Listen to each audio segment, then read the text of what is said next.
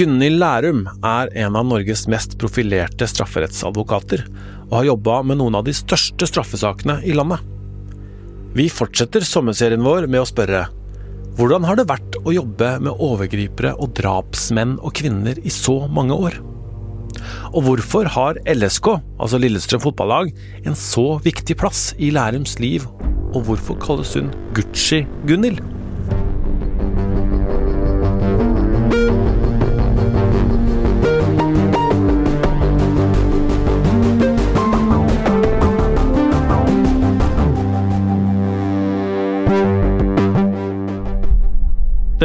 11. januar i 2008 er min første dag på jobb i eh, VG, vet du Øystein. Det, det husker du vel kanskje? Det, da, da, kom jeg til Bergen.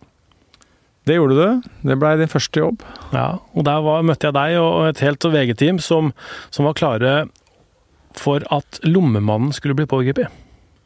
Det er riktig det. Vi lå i skjul nærmest, eller ikke bare nærmest, vi lå i skjul på et hotell i Bergen, ja. Og eh, hadde tro på at det var et gjennombrudd i det som den gangen var en av de store sakene i Norge. Altså en uh, serieovergripersak som gikk over mange, mange år. Uh, hvor mange ofre har blitt utsatt for, for en såkalt lommemann. Og ja, det var jo årevis med etterforskning. Litt på, litt av. Men man hadde jo da til slutt kommet til et gjennombrudd, og da var vi i posisjon. Og så får Erik Andersen, som, eh, som ble dømt da, for, eh, for, å være lommemannen, han får eh, Tor Erling Staff som forsvarer, eh, men så bytter han forsvarer til deg, Gunhild Lærum. Velkommen til oss. Takk for det. Ja, han bytta. Hvordan, eh, hvorfor det? Nei, altså Bakgrunnen for selve byttet, det vet jeg ikke alt om, men han ønsket vel å, å snakke med meg ganske tidlig. Så han hadde jo hatt Tor, Tor Erling en uh, god stund, og så fikk jeg en telefon. Jeg lå på en uh, solseng i Spania, og det var han. Og da var det ikke så mye annet å gjøre enn å pakke sammen og komme seg til Norge. Hvordan var det å møte Erik Andersen, da? Det var, det var et helt fint møte. Han ønsket å snakke, og vi ble enige om hvordan vi skulle Hva slags klient-advokatforhold vi skulle ha ganske tidlig, for vi har jo utallige timer sammen. Sånn at det ble vi tidlig enige om hva slags arbeidsmetode jeg har. Og så kontaktet vi jo da etter hvert Kripos og ble enige om at uh, hvordan vi skulle uh, ordne med at han kom i avhør. Han ønsket da å gå i avhør, og så fikk vi et opplegg rundt det. Og det gjorde vi på forskjellige steder, og han fikk lov til å forberede seg på vårt kontor i Lillestrøm. Og det var veldig viktig for han å liksom på en måte gå gjennom dokumentasjon og forberede seg. Og han ble kjørt til oss tidlig i morgen, og da var det polititjenestemenn som passet på han, og så ble han hentet på ettermiddagen og kjørt tilbake da til fengselet. Hvordan er det du da forbereder eh, dere sammen, da? Ja, Det går ut på å finne en arbeidsform som eh, han var komfortabel med, og som jeg var komfortabel med. Det er fra mitt ståsted en profesjonell måte å jobbe på. Men vi har jo veldig mange timer sammen, så da blir man jo etter hvert eh, kjent. Og veldig mange timer i et fengsel sammen, og da må man jo Han ønsket selvfølgelig å snakke om også andre, andre ting enn sak. Og det gjorde vi. Altså vi snakket om hva hans interesse var, og så er det etter hvert var det to advokater oppnevnt. Det var jeg og kollegaen min Gard Lier som var sammen om den saken etter hvert. Da, sånn at eh, da hadde vi med Han var jo glad i pølser, så vi kjørte utover til Ila med pølselukt i bilen, og det var avklart med Ila. Sånn at eh, vi, han fikk litt god mat noen ganger. Dere hadde med pølser? Vi hadde med det. Han hadde lyst på det. Så eh, det vi fikk, avklarte vi med Ila, og det var greit. Vi, var, vi er godt kjent på Ila, for å si det sånn. Sånn at eh, vi har vært mange timer der, og det var, vi kom inn og hadde greie samtaler, og etter hvert uh, formidla kontakt med familien hans, og også venner han hadde. Så at det var Vi snakka om alt mulig, selvfølgelig. Det er jo litt sånn at dere må ha med litt av hvert til innsatte, er det ikke det da? Noen det, vil ha røyk, ja. noen vil ha pølser, da. Ja, men det er om å gjøre å ha med det som vi har lov til å ha med, da. Det er mm. liksom eh, avklare det. Eh, og Ile han var en langtidsfange, og det var jo på en måte en langtidsinnsatt. Og vi skulle ha mye kontakt, så da er det liksom viktig på en måte å legge det på et nivå så vi fikk god dialog, og det gjorde vi.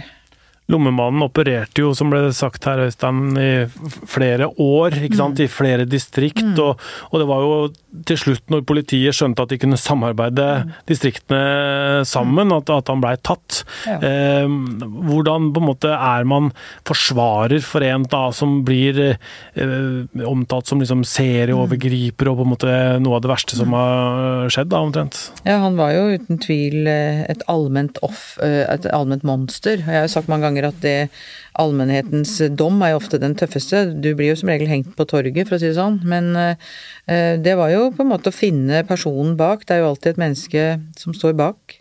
Det er jo å finne det mennesket, og hva er det som gjør at man utvikler seg til å bli den man blir, da. Og det jobba vi jo veldig mye med, og hadde mye samtaler om. Og det var jo å få framstilt hele personen når vi kommer til slutt i Follo tingrett, da. På Ski. Vi var jo der i seks måneder. Hvordan var det? Det, det, gikk, eh, det gikk veldig bra, egentlig. De la forholdene veldig godt til rette. Gardia hadde et eget rom, de kalte det Lærums pauserom. Ok. Og så eh, var det sånn at vi hadde vårt eget rom, og der fikk vi lov til å snakke med han i pausene. Han blei ikke tatt ned på en celle og så videre, sånn at vi kunne ha en sånn vi gjorde det, det var en sånn pragmatisk eh, løsning av dette, sånn at vi på en måte kunne snakke i pausene. Så det, det sparer man jo tid på. Så det løste de veldig, veldig bra, egentlig. Og det var eh, Vikanes som administrerte, og det var en veldig bra administrering av den saken, vil jeg si. Eh, og, så, og så fikk jo du også se da at eh, VG hadde video og bilder av eh, pågripelsen. Hva Ja. syns du om at eh, VG lå i buskene der? Nei, Det viser jo at politiet lekker, da. Så det er jo godt for oss forsvarere å noen ganger få en bekreftelse på at ikke det alltid Fra ingen forsvarer eller bistandsadvokat som selvfølgelig ønsket det. Og vi visste jo ikke heller. Jeg var ikke forsvareren hans på det tidspunktet, men jeg er ganske sikker på at ikke forsvareren visste når det tidspunktet var. Sånn at det må jo pressen få vite fra et sted. Eh, Og det var jo bare politiet som visste når det var. Eh, Og det blei jo tema i saken, for det var noen av de som var til stede, som pågrep ham, som mente at det var eh, sterkt kritikkverdig, og at det kunne vært farlig, fordi at han hadde Det har det jo stått om i avisene, kan jeg si, det, det var jo en del våpen i det huset. Sånn at Og folk Hadde vel også med seg våpen da han ble pågrepet? ja, det kan jo, det, det kan jo være Folk reagerer ulikt ved pågripelse. Han var jo rolig, men det kan jo bli veldig desperat. Noen blir jo det. Sånn at eh, det var jo på en måte liksom Det var, det var en del kritikk rundt det, da. Hva sier du til det, Øystein? Nei, altså det er jo sånn at når vi eh, går inn i en sånn operasjon, så som vi har gjort noen ganger, så, så gjør vi våre vurderinger, akkurat som eh, politiet gjør sine vurderinger når de skal inn i en sånn operasjon. og vi hadde jo vært i området og gjort oss kjent, og befant oss så langt unna eh, i mørket at eh, Og det var klare instrukser på hva man skulle gjøre for alternativ A, alternativ B, alternativ C. Eh, Jeg kan ikke si hvor langt unna vi lå, men vi, altså vi lå så langt unna at det var ikke mulig å se at vi var der. Og vi hadde også vært der i forkant uten at vi blei oppdaga, og hadde vel et inntrykk av at politiet da fulgte med på det området og hadde tatt en så forsiktig tilnærming at ikke de som var satt og spane på det huset hadde sett at vi var der. Og det var jo et nabolag eh, hvor det var vanlig trafikk. Folk kom og gikk fra jobb. Altså Det var jo ikke sånn at det, det eh, nødvendigvis var at om noen skulle se en eh, mann komme gående, så var det ikke sånn at det måtte bety at det var VG eller NRK eller en annen presseorganisasjon som var der. Og så, så vi hadde først en grundig vurdering på området hvordan vi skulle gjøre dette her. Eh, Og så var jeg som leda en operasjon, og da ble vi enige om til slutt hvordan vi gjør det. Og, og som sagt, vi var så langt unna, og vi hadde jo et opplegg for hvor langt unna vi skulle være fram til han eventuelt ble pågrepet. Og så hadde vi et opplegg for langt vi kunne gå hvis, når han var pågrepet. Eh, Så jeg eh, jeg eh, er helt komfortabel med hvordan de gjorde det, og mener at vi ikke var i nærheten av å sette noen i fare på noe vis. Og det er jo selvfølgelig helt avgjørende for oss. Og når vi gjør sånne ting, så, så er prioritet én er ikke å få bilder. Eh, Prioritet én er å ikke ødelegge, eh, for det første, eh, sette menneskeliv i fare. For det andre, ødelegge politiets arbeid. Og hvis vi først kan si at vi er sikre, på nummer én, og vi er sikre på nummer to, da kan vi gå på nummer tre. Og det er å, pre og det er å dokumentere det. Mm. Men det er litt morsomt det at du er jo på en måte litt sint på politiet, fordi de lekker. Politiet er sint på VG fordi vi får tatt de bildene. Mens liksom Nei, altså det Man vet jo at det er lekkasjer. Altså, vi leser jo i, i store straffesaker så leser vi jo mye Dere skriver jo mye som dere må få vite fra et sted. Kom ikke den fra forsvarsadvokaten, da? Det er det de ikke gjør, vet du, bestandig. Så kanskje noen lekker. Men uh, poenget er jo litt at uh, uh, det skrives mye bra, og mye av det er jo ned til detaljer riktig, ikke sant. Så da vet man jo at det kommer noe lekkasjer et sted. Hvorfor blei du jurist? Ja, det, det, er det. Jeg dro til USA i 1980 som AFS-student. Jeg var mellom andre og tredje året på videregående på Bjørklangen. Og da hadde jeg helt Jeg spilte aktivt håndball, annendivisjon for Hølland. Og har svømt aktivt, sånn at det var helt overbevist om at jeg skulle bli fysioterapeut. Men så kom jeg til en uh, familie hvor faren i huset var høyesterettsadvokat, og moren var atomingeniør. Og det var mye fokus på akademisk Ressurssterk familie. Det, uten tvil. Det var, mye fokus. det var uh, Søndager var liksom kjedelig, for da var det ikke så mye å gjøre. Men nei, det var uh, det var veldig mye fokus på juss, da. Eh, han var jo Han jeg bodde hos, Erik Springer, han er død nå. Han jobbet jo blant annet for John F. Kennedy, demokrat på sin hals, og ja En veldig interessant familie. Og da overbeviste han meg om at jeg måtte bli jurist. Så da jeg dro hjem fra USA, så var jeg bestemt meg for det. Så da var det ett år igjen på Bjørklangen og en morsom russetid, og så var det bare å dra inn til Oslo og begynne å studere juss. Du er jo en av de, ikke et første, for det har jo vært noen av dere, men det var jo ikke veldig mange kvinnelige advokater i bransjen når du kom inn?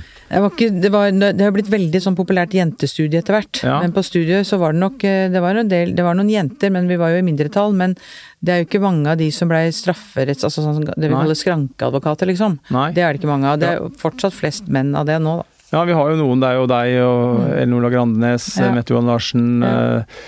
øh, og flere. Mm. Øh, Berit Reiss Andersen. Men, men mm. øh, altså, jeg kjenner jo advokatbransjen fra mitt ståsted, og mm. har jo sett en bransje som i hvert fall en, tilbake noen år mm. var ganske sånn macho, røff, ja, mannsdominert. Eh, hvordan var det å være eh, ung eh, advokat og komme inn der som kvinne i det miljøet der, da? Jeg syns jo det var stor stas. Mm Jeg begynte jo, som dere veit, som fullmektig hos Sverre Næss, og han hadde jo mange profilerte saker. Mm. Og jeg var jo i retten som student første gang. Det var en mordbrann i Fetsund. Og da gikk jeg som student. Altså det var jo å bli kasta på utrolig dypt vann, selvfølgelig. Men jeg likte jo på en måte det, da. Det var bra, jeg var bra til å svømme, det var en fordel. Men ikke sant, det var liksom det der Jeg likte det, jeg ble kasta rett ut i det. Og jeg har vært som fullmektig, jeg vet ikke hvor mange ganger jeg var i retten. Det var ekstremt mange saker. Hva er det du likte med det? Jeg liker jo på en måte det der å At man Altså klienten eh, legger jo hele skjebnen sin på kontorpulten din, ikke sant. Eller på, i fengselscella. Når du besøker ham på besøksrommet, så kommer han ut av cella og går på besøksrommet, og der er liksom du eneste håp, ikke sant. Du liker jo den der tanken at du kan utgjøre en forskjell, da. Og, og, det så er man jo i manesjen hele tida, da. Det er jo som en sirkushest, liksom. Du er jo Liker jo den sagflis... Uh, uh, lukta. Jeg fikk jo nesten panikk når det ble den koronaen. At liksom, skal retten stenge ned, og hva gjør vi da? Mm. Men det er liksom det der å være i sentrum for der det skjer, på en måte. Jeg har alltid på en måte likt det, da. Og så har jeg ikke tenkt over det med å være jente kontra det å være gutt. Jeg har ikke vært sånn opptatt av det. Jeg tenker at om du er jente eller gutt, har du kvalifikasjonene og gjør jobben din, så er det liksom ikke så farlig hvilket kjønn du har, på en måte. Mm. Det har ikke vært noen problemer? Du føler ikke at det har vært vanskelig? Aldri. Nei. Aldri tenkt over. Jeg har aldri følt at, at jeg har på en måte blitt eh, mindre verdsatt fordi at jeg har vært jente. Nei. Men det der å, å, være i manesjen, som du sier, mm. og på en måte eh, Du spiller en, en, viktig rolle da, for mm. en person mm. eh, som, som, er eh, tiltalt. Eh. Ja, du, har jo, du, har, du, får jo på en måte det mennesket Den skjebnen veldig, veldig, nære, veldig nære på, ikke sant. Det, den er jo med deg hele tida, på en måte. Og de, de sakene som også er mye profilert, så er det jo talerøret utad, og det er jo Det er et stort ansvar. Og jeg har alltid vært ydmyk i forhold til det ansvaret, og ydmyk i forhold til faget. Jeg syns jussen er et uh, stort og komplisert fag. Du kan lære noe nytt hver eneste dag, blir aldri utlært. Og jeg syns jo at det er, det er, det som gjør at det er så givende. Og at alle tolker disse ulike paragrafene. Det er liksom ikke ofte, det er ikke så ofte det er to streker under svaret. Hva er den største feilen en forsvarsadvokat kan gjøre? Det er jo å identifisere seg for mye med klienten. Du må ha en avstand. Og de som identifiserer seg for mye og sitter på alle plassene rundt bordet, de sliter, tror jeg altså. Skjer det mye av? Det veit du at jeg har meninger om. Ja, det er det jeg vet. Ja, det, det skjer jo noen ganger det, ja. Jeg syns jo ofte det ikke trekkes klare nok grenser. Hvordan da? Nei, altså du må, du må følge eh, Altså, du må følge reglene. Jeg husker jeg forsvarte en av toppene i Hells Angels. Det var jo vel, ikke veldig mange kvinnelige advokater inne der, for å si det sånn. eh, Og blei bedt inn på eh, kake. Det var en 100 kilo amfetaminsak hvor jeg hadde en av de hovedmennene, da. Og da ble jeg bedt inn på kake etter domfellelsen i Strømsveien. Da ringte politiet og sa at jeg er bedt inn her på kake, er det, da veit dere det. Mm. For jeg tenkte at hvis det blir en ransaking der, og der sitter jeg, liksom. Så det, det handler om å det er, ikke, det er ikke noe vanskelig å følge spillereglene. Men det er så logisk, egentlig. Men blei du da en slags sånn HA-advokat etter det? Nei, men de godtok jo på en måte at uh, uh, Jeg hadde jo en av de så lenge han begikk straffbare forhold, da. Uh, sånn at det, han, det var en interessant person å representere, men det er klart at det, det, det, det du spør meg egentlig er liksom Er det vanskelig å følge spillereglene? Det er ikke noe vanskelig i det hele tatt. Men, De er veldig logiske. Men du er jo inne på det med motorsykkelklubber, og jeg husker jo Jeg kom jo til Lillestrøm som eh, ung eh, krimjournalist en gang, og Mm. en av de første advokatkontorene jeg eh, besøkte, det var jo eh, det var jo advokatkontoret Ness og Lærum som lå nede i Storgata Mm. nummer 24. 24. Det var på høyresida da jeg kom nedover, og så på venstresida så lå det noe helt annet. Ja. Hva var det? Det var Customizers. Ja, og det er Det var en uh, hangaround-klubb til HA. Ja. Så vi hadde mye med de å gjøre. Det var mye skjeggete mannfolk inne på noen kontorer ganske tidlig. De hadde kort vei til advokaten, det var rett over gata. Ja, det var det, vet du. Det Var det. Men det er sånn du ser på mafiaserier i USA og Mm. filmer og sånn, har de sine egne advokater og sånne ting. Da Sånn syns jeg ikke Sånn opplevde ikke jeg at det var, altså. Nei. Men vi har jo hatt det, det var jo litt, litt sånn som du sier, det var lokalt og ikke sant. De var jo naboene, på en måte. da. Eh, Men det det handler om, er liksom Det handler om å ha et eh, åpent sinn i forhold til de som er rundt deg. For 14 dager siden så var jeg i begravelsen til Viking på Lillestrøm. En av de eh, siste eh, gåsetegn uteliggerne. Al- Altså han jo, hadde jo et sted å bo, men han var jo Han satt jo på torvet hver eneste dag. Og altså, han var jo innom kontoret og drakk mye kaffe og varma seg litt om vinteren. Men når vi hadde kontor oppe i Storgata 40, ikke sant. Men da var jo Kirkens Bymisjon rett ved siden av. Men, men han spurte meg alltid om penger, eller om jeg kunne kjøpe noe, til polet for, for han. Det har jeg aldri gjort. Men jeg blei bedt i begravelsen hans. Det var ikke så mange som hadde lov til å komme. Og når jeg kom dit, så spurte eh, Glenn eh, fra Morgenstellet om jeg kunne bære, for en av de som skulle bære, var litt rusa. Bære kista, ikke sant. Altså, Men da sa jeg liksom at det gjør jeg selvfølgelig. Men eh, så kom hun da likevel, da, som skulle bære. Det handler litt på en måte om å se de menneskene som er rundt deg, og ta de for det det er, og ta de på alvor, da. Men syns du det endrer seg, altså kriminaliteten og de som begår kriminaliteten på disse åra du har vært i dette sirkuset? Det har jo endra seg. Hvordan? Det er jo ikke den Det er ikke så mye bankran lenger, da, for å si det sånn. Nei? Bank- og postran er vi jo liksom ferdig med. Mm. Har jo, hatt jo en god del av de. Mm. Eh, og så er det jo det- med vinningskriminaliteten, den liksom klassiske, er jo det er blitt mer eh, sofi, Altså det er blitt mer eh, komplisert, ikke sant. Det er jo mye mer eh, teknisk. Ja. Altså, det, altså, det, altså internett, data, alt dette det, altså det tar jo over og gjør det mer teknisk. Altså før hadde vi aldri Snapchat og Facebook-utskrifter og sånn som bevis. Nå er det jo det, ikke sant. Før så konsentrerte vi oss veldig mye om basestasjoner og hvor telefonen hadde vært. Hvor, og på, liksom, hvor og på hvilket tidspunkt. Nå er det jo Det er jo blitt mer komplisert og teknisk, det er ingen tvil om det. Hvordan har det påvirka jobben din, da? Hvor mye må du øh, på en måte opp i ringa på nye teknologiske Ja, man må jo, man må jo eh, sette seg inn i det. Mm. Men vi behøver ikke kunne alt i detalj, selvfølgelig. Men du må jo forstå betydningen av det, selvfølgelig. Og de unge er jo nå Det er jo eh, Snap og det er liksom eh, Og alle disse, alle disse er ikke du på Snap, da? Jo, jo, det er Jo da. klart det er på Snap. Ja, ja. Det går så fort, vet du, så jeg rekker ikke til å screenshotte engang. Men, men eh, man må jo sette seg inn i det og vite hvor, hvor de er, ikke sant. På hvilke hvor på ulike medier er disse Og det begås jo disse ulike nå eh, alle bildene vi har, jo- Jeg har jo sittet og sett på bilder av misbrukte barn i eh, 25 år. Og bildene blir jo mer og mer avanserte, på en måte. Mm. Og det, og det å sitte og se på det er jo Eh, Det, er, det gjør jo noe med deg. Altså, det er jo groteskt, egentlig. Mm. Det er helt forsvarsløse mennesker som eh, blir utnytta på det groveste, og bildene som ligger der altså Det som er så merkelig med det, at de som vi representerer, som har bildene, tenker ikke på det som så alvorlig. Det er en distanse, altså det du spør om kriminaliteten endrer seg, du får en mer distanse til offeret, da. Gjennom disse mediene som det er mellom deg og om du begår et overgrep nede i Thailand, f.eks. Ja. På skjerm, ikke sant. Og, og så, ja, det, det, det er ikke Ungen er ikke alltid hjemme i stua. Men du skal i retten nå eh, og Mm. forsvare en mor som er tiltalt for å ha drept to av sine barn. Ja. Hvordan blir det? Det blir en ganske tøff sak, det må jeg si. Og man får en sånn aha-opplevelse når eh, vi hadde et sånt uh, møte med uh, et, et sånt planmøte med dommeren, som er Anja Beck. Uh, hvor hun sier at på fredag så må vi være ferdig senest tolv, for meddommerne skal debrifes. Retten har skaffet profesjonell bistand. Ah.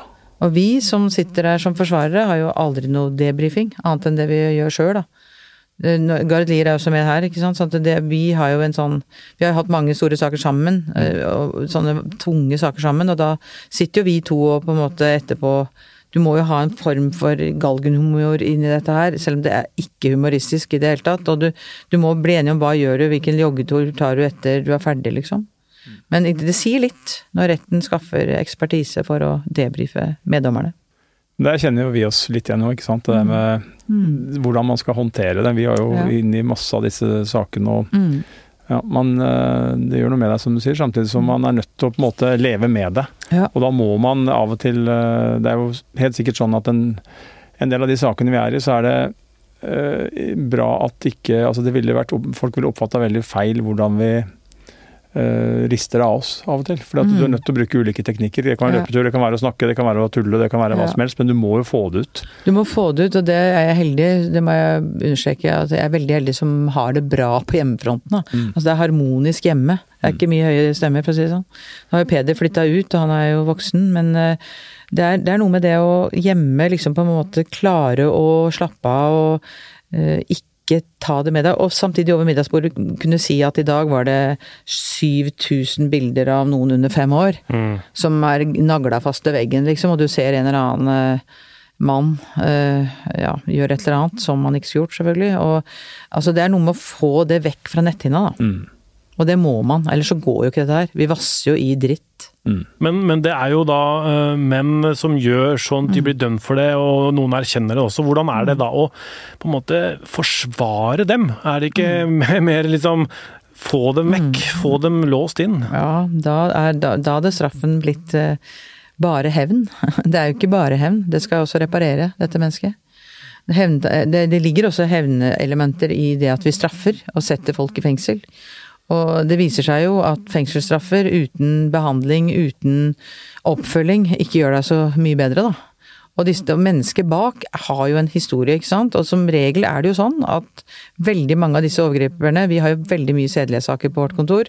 Mange av disse overgriperne er jo små gutter i sinnet som har vært utsatt for mye faenskap sjøl, ikke sant, og som har vært utsatt for mye av det samme, og andre ting, verre ting, mindre ille ting. Altså, det er mennesker som Det er det å finne ut, og det, det er det som gjør det interessant, hvordan har akkurat han blitt sånn? Eh, Og det handler det om, da. Fungerer rehabiliteringa, syns du, i Nei. kriminalomsorgen? Nei, det Hvorfor fungerer det? dårlig, vet du. Altså, vi har jo mange i forvaring. Jeg har jo mange forvaringsdømte, og det er, det er trist mye av det, altså. Det skulle vært mye mer oppfølging. Altså mye mer, mye, mye mer lavterskel. Det skulle vært sånn at de som vi nå snakker om, da, de som blir dømt, de skulle på et tidlig tidspunkt, typ det du begynte med å spørre meg om lommemannen, hadde han på et tidlig tidspunkt kunne gått og snakka med noen Uh, uten å bli uh, anmeldt, så kan, hadde de antall fornærmede som var i utgangspunktet i den saken, var det jo mange hundre. Norge, Sverige, Danmark, Tyskland. Det blei jo 163 eller noe til slutt. Men altså, hadde, man, hadde, man, hadde han hatt mulighet til å snakke om sin problemstilling eh, et lavterskeltilbud, gått et sted, fått blåst ut, så kan, hadde antall ofre blitt færre. Men det, sier, det, samme sier jo kriminalomsorgen. Jeg Mm. tipper påtalemyndigheten og politiet også sier, sier, dette, og Mm. man trenger mer ressurser og sånne ting. Hvorfor, hvorfor får man ikke det, da? At eh, Norge skal liksom være det mest humane humane landet, da? Det burde det vært. Altså, dere, altså, IKST har jo ikke noe mer offentlige overførsler. Altså Institutt for kriminologi og sexologi. Eh, Altså, der må man nå betale selv. Altså, det har jo ikke disse her penger til. Det, det skulle vært det, det skulle vært eh, gratis, med en veldig lav egenandel. Altså det skulle vært mye mer tilbud i forhold til å snakke om egen problematikk, og at det ikke skulle vært så tabubelagt, da. For det handler jo veldig ofte om egen problematikk. Og det å eh, Jeg er akkurat ferdig nå med en uh, voldtektssak. Jeg har ikke falt om ennå, i Borgarting, med flere fornærmede. Det handler hele tiden om også å forstå hva er bakteppet, ikke sant? Og, og kunne man gå og snakke om ting som gjør at dette ja, mindre tabubelagt, gå og snakke om det uten å bli referert, da. Det er jo sånn, du har jo våpenamnesti, ikke sant. Hadde du hatt noe amnesti for å kunne gå og snakke om ting, så hadde nok flere benyttet seg av anledning, sjansen til det, det er jeg ganske sikker på. Mange av dette er ganske triste skjebner, altså. En del av rollen din, eller en del av jobben din, da blir jo da å finne eh, det, Mm. Ja. og bruke det i Forsvaret, ikke sant? Ja. For at denne personen skal komme ut igjen på best mulig Helt måte. riktig. Og det er jo aldri å forsvare det, gjerningen. Nei. Aldri. Altså det, vi er jo ikke for sedelighetsforbrytere. Det er ikke det det handler om. Det handler jo om på måte å forsvare de eh, rettighetene de har, og, og sørge for at de rettighetene blir ivaretatt. Men hvis du da har klient som mener helt eh, seriøst og hevder hardnakka at han eller hun er uskyldig, mens du er ikke helt overbevist over det, du kan vel godt tenke at det der her eh, er det skyldighet. eh, Hva, hva gjør du da? Ja, Det er ikke noe vanskelig. Altså, tro må man gjøre andre steder enn i rettslokalet. Det har vi egne rom for å gjøre. Men det det, handler om, er at hvis, hvis en mistenkt, siktet, tiltalt sitter i politiavhør og sier at 'jeg er helt uskyldig, jeg har ikke gjort det', jeg, eh, han, forklarer, han eller hun forklarer seg, eh, fri forklaring først, så blir han konfrontert med bevisene og sier at 'dette her er ikke meg, dette har jeg ikke gjort', dette er misforståelse, bla, bla, bla. ikke sant? Sier man det til politiet, og sier det samme til oss, så er det ikke noe problem. Det er uinteressant hva jeg tror. Men hvis han sier til meg at jeg bløffer alle andre enn deg, jeg er så skyldig så det renner av meg, da trekker jeg meg. Har det skjedd? Det har skjedd én gang. Så, men så har du, så har En det, gang. så har det en annen problemstilling òg. Du switcher mellom å være bistandsadvokat og forsvarsadvokat. Mm, men det er det mange som lurer på hvordan man kan gjøre Ja, det. det er heller ikke noe vanskelig, syns jeg. Jeg er jo fast forsvarer, da, og vi har jo også faste bistandsadvokater ved kontoret, Mm. så jeg er ikke så mye bistandsadvokat lenger. Nei. Jeg var det mer før. Og Gard har jo vært fast bistandsadvokat, og han er nå fast forsvarer. Så vi har jo uten tvil tyngde, hovedtyngden er forsvarsoppdrag. Men det er ikke noe vanskelig, og jeg tror det er klokt, fordi at da kan du få det mye mer balansert syn på de ulike aktørene i rettslokalet. Altså Det sier jo bistandsadvokater til meg. Altså det er Vi hadde jo, eh, som dere vet, Sandra-saken. Den største nettovergrepssaken som noen gang har vært. Og i forrige uke så ringte en av ofrene der til meg, og vil, som var satt hos politiet i Sarpsborg og ville ha meg som sin forsvarer. Og han var fornærmet i den saken. Det handler om å forstå at de som kommer inn, det handler ikke om å ta gåsetegn liksom Nå skal vi liksom fin, ta deg for noe. Nei. Det handler jo ikke om det, ikke sant. Det handler om det han eller hun sier, opp mot det vår klient sier. Og vekte de ulike uttalelsene, da. Og det Men da spiller du litt på lag med påtalemyndigheten, da? Nei, jeg gjør ikke det. vet du, For du, du, det du vurderer er jo Du spør ut fra bevisene. Hva tenker du når du er bistandsadvokat? Ja. Ja, altså Det er jo mange som tror at det er en ekstra øh, element i påtalemyndigheten. Det er jo ikke det. Eh, Men eh, du har jo en aktiv rolle som bistandsadvokat til å eh, kunne også spørre om skyldspørsmålet, men du er jo egentlig mest opptatt av de sivile rettskravene. Eh, Men eh, det, det, det, det jeg tror er viktig å ha, litt begge, begge rollene, akkurat som i barnevernssaker. At du både representerer familien og kommunen. Det er for at da skjønner du balansen bedre. Den viktigste kunsten er balansekunsten. Og ved å ha begge roller, så er du Klarer du å balansere rollene mye bedre. Og jeg tror at du får fram Det det var jo I Lommemannssaken så var det jo sånn at det ene vitnet som kom, ville klarte ikke pga. nerver å svare på aktors spørsmål. Så blei det min tur, og da husker jeg eh, administrator sa ja, det er vel ikke noe for deg å spørre om nå, for han her, han klarer jo ikke å si noe. Men så klarte jeg å få han til å si det, historien. Det handler liksom om å gå inn og ta den rollen at her har vi jo sett et eh, bevisopptak av deg, og vi har, vi har et avhør av deg. Hvordan, eh, hvordan stemmer dette? Han hadde vært på en kino, og så begynte jeg å spørre hvilken kino han hadde sett, og sånn, så til slutt så kom det. Mm. Det er jo i alles interesse å få fram mest mulig av den materielle sannheten. Så når eh, aktor ikke klarer det, så kan Ja, du kan gjøre det? Det er hender det går. Ja. ja. Um, um, dette med at du er mye i fengselet. Mm. Eh, fortell om det. Hvordan er det? Hvordan kommer du deg inn, og hvordan eh, er den prosessen? Ja, men det, vi er jo veldig mye i fengsler. Jeg er mest på Ila, jeg har vært ekstremt mye på Ila. Nå skal det pusses opp, da, så nå får jeg en pause der. Og så er vi mye på Ullersmo i Oslo. Eh, Men det er jo mye de andre også. Da, I Oslo behøver du ikke å ringe og bestille. Det er veldig ulik sånn prosedyre. I Oslo så bare prøver vi å komme utenom når det er familiebesøk. Og de kjenner Altså, vi har jo vært der i så mange år, så de veit jo godt hvem vi er. Eh, Og da skal man jo ikke f.eks. ha med mobiltelefon inn osv. Det veit man jo at noen advokater jukser med. Men det har jeg aldri prøvd meg på. Altså, altså den ligger igjen i bilen. Vi har egne skap, vi kan låse inn ting og sånn. Og så er det Og så sier, du, sier vi hvem vi er, og hvis det er noen helt nye som vil se vår identifikasjon, så gir vi alltid førerkort. Og så får du en sånn, sånn klareringsbrikke, og så går vi inn.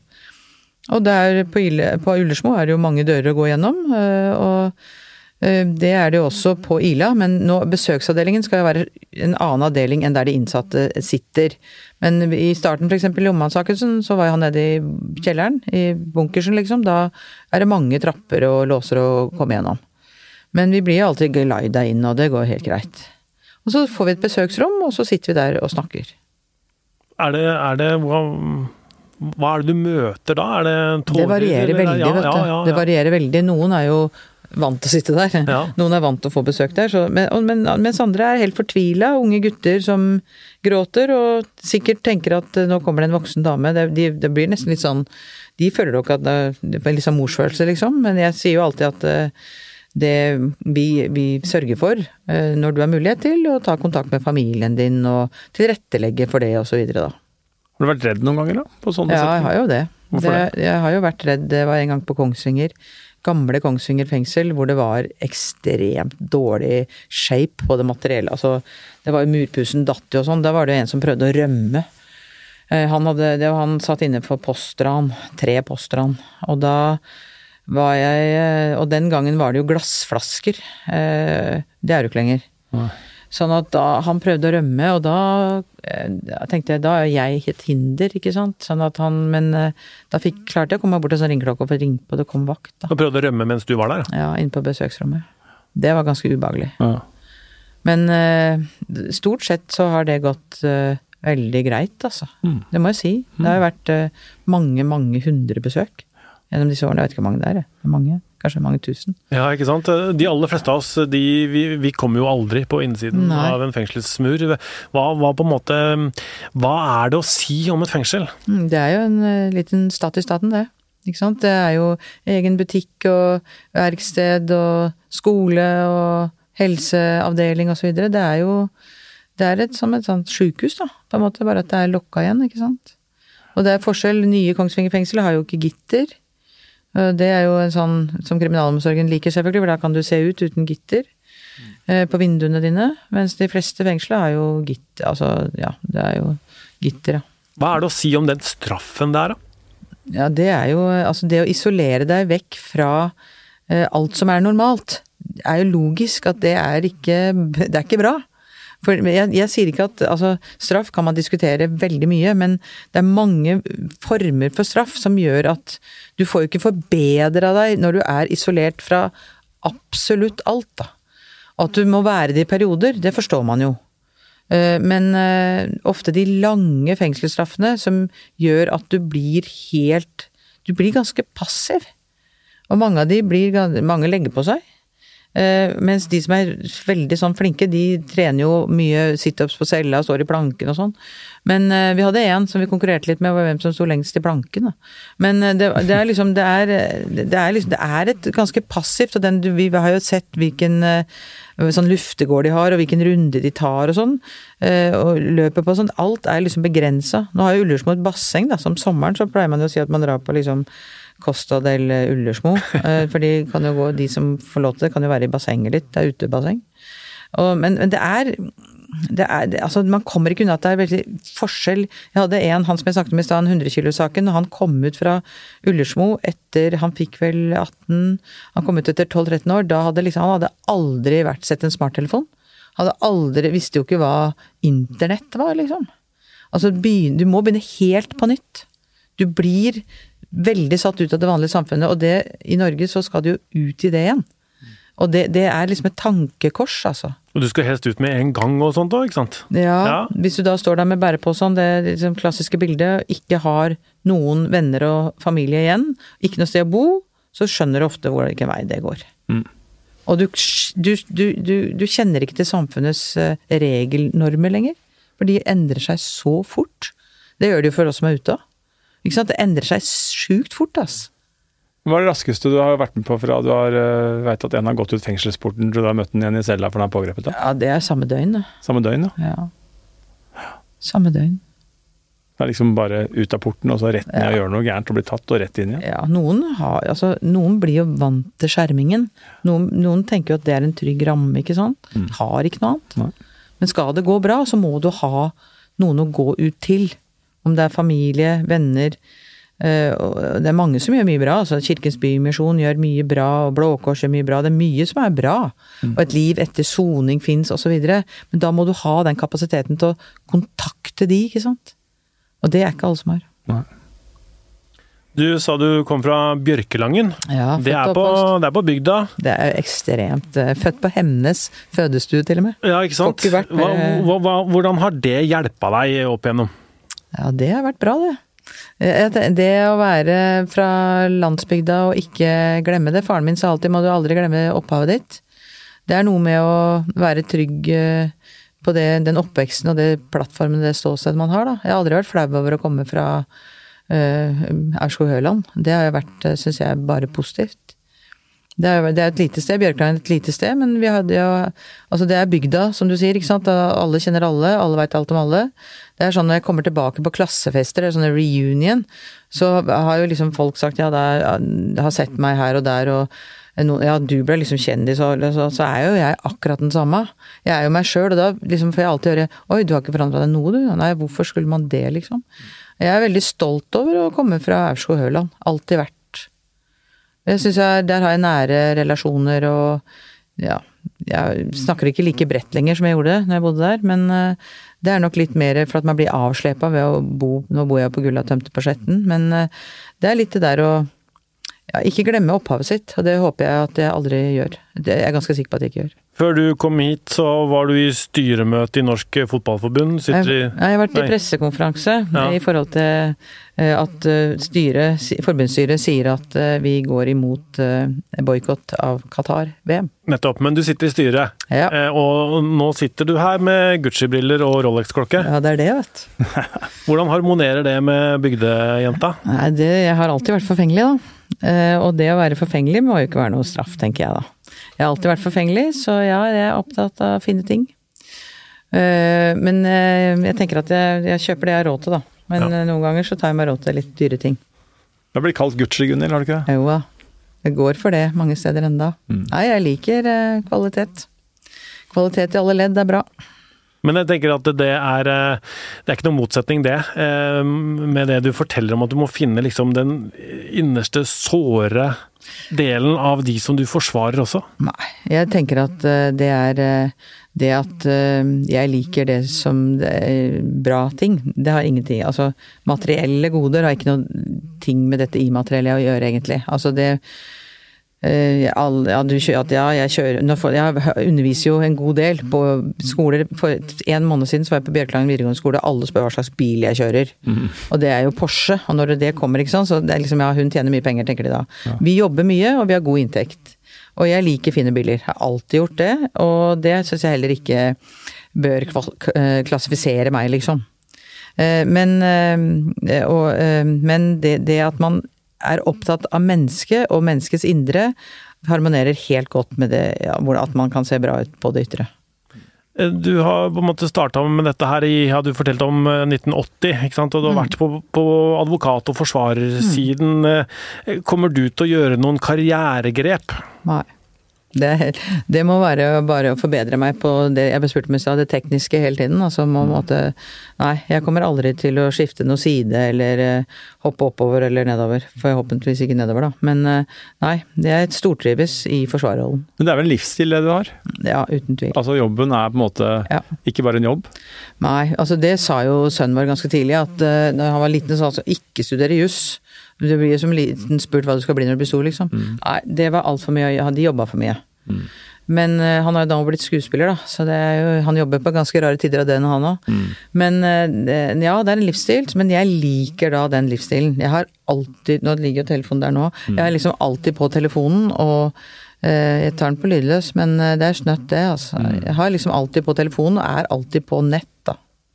Jeg husker dommeren i Lomma-saken spurte meg Det var jo stort presseoppbud der, og, og så var det liksom Vi skulle ha noen pauser og sånn, så husker jeg, han- husker jeg spurte meg Ja, er du klar nå, du da, Lærum? Da husker jeg sa alltid. Og da ble det en sånn latter i pressekorpset. Man må liksom være klar, da. Ja. Det er bra, takk for at du kom til Krimpodden. Bare hyggelig. For ordens skyld så tar vi med at kvinnen som drepte sine barn i Lørenskog, og som Lærum forsvarte, blei dømt. 36 år gamle Jeanette Dørmen blei dømt til 21 års fengsel for drapet på 7 år gamle Mikael og 1 år gamle Gabriel. Når denne episoden publiseres, så har ikke hun bestemt seg ennå om hun skal anke dommen. I neste episode skal vi treffe tidligere politimann Jonny Brenna. Han skal fortelle om hvordan livet som spaner er. Hvordan har han jobba for å få informanter i de kriminelle miljøene, og hvorfor mener han at Nokas-ranet kunne ha blitt forhindra? Produsent for Krimpodden er Vilde Worren. Øystein Milli har vært med. Jeg heter Tor Erling Tømt Ruud. Synne Nilsen Solbakken har bidratt. Magne Antonsen er teknisk ansvarlig. Og Ronny Furuvik har laga musikken. Sjekk oss ut på Facebook, eller send en mail til oss på krimpodden at vg.no.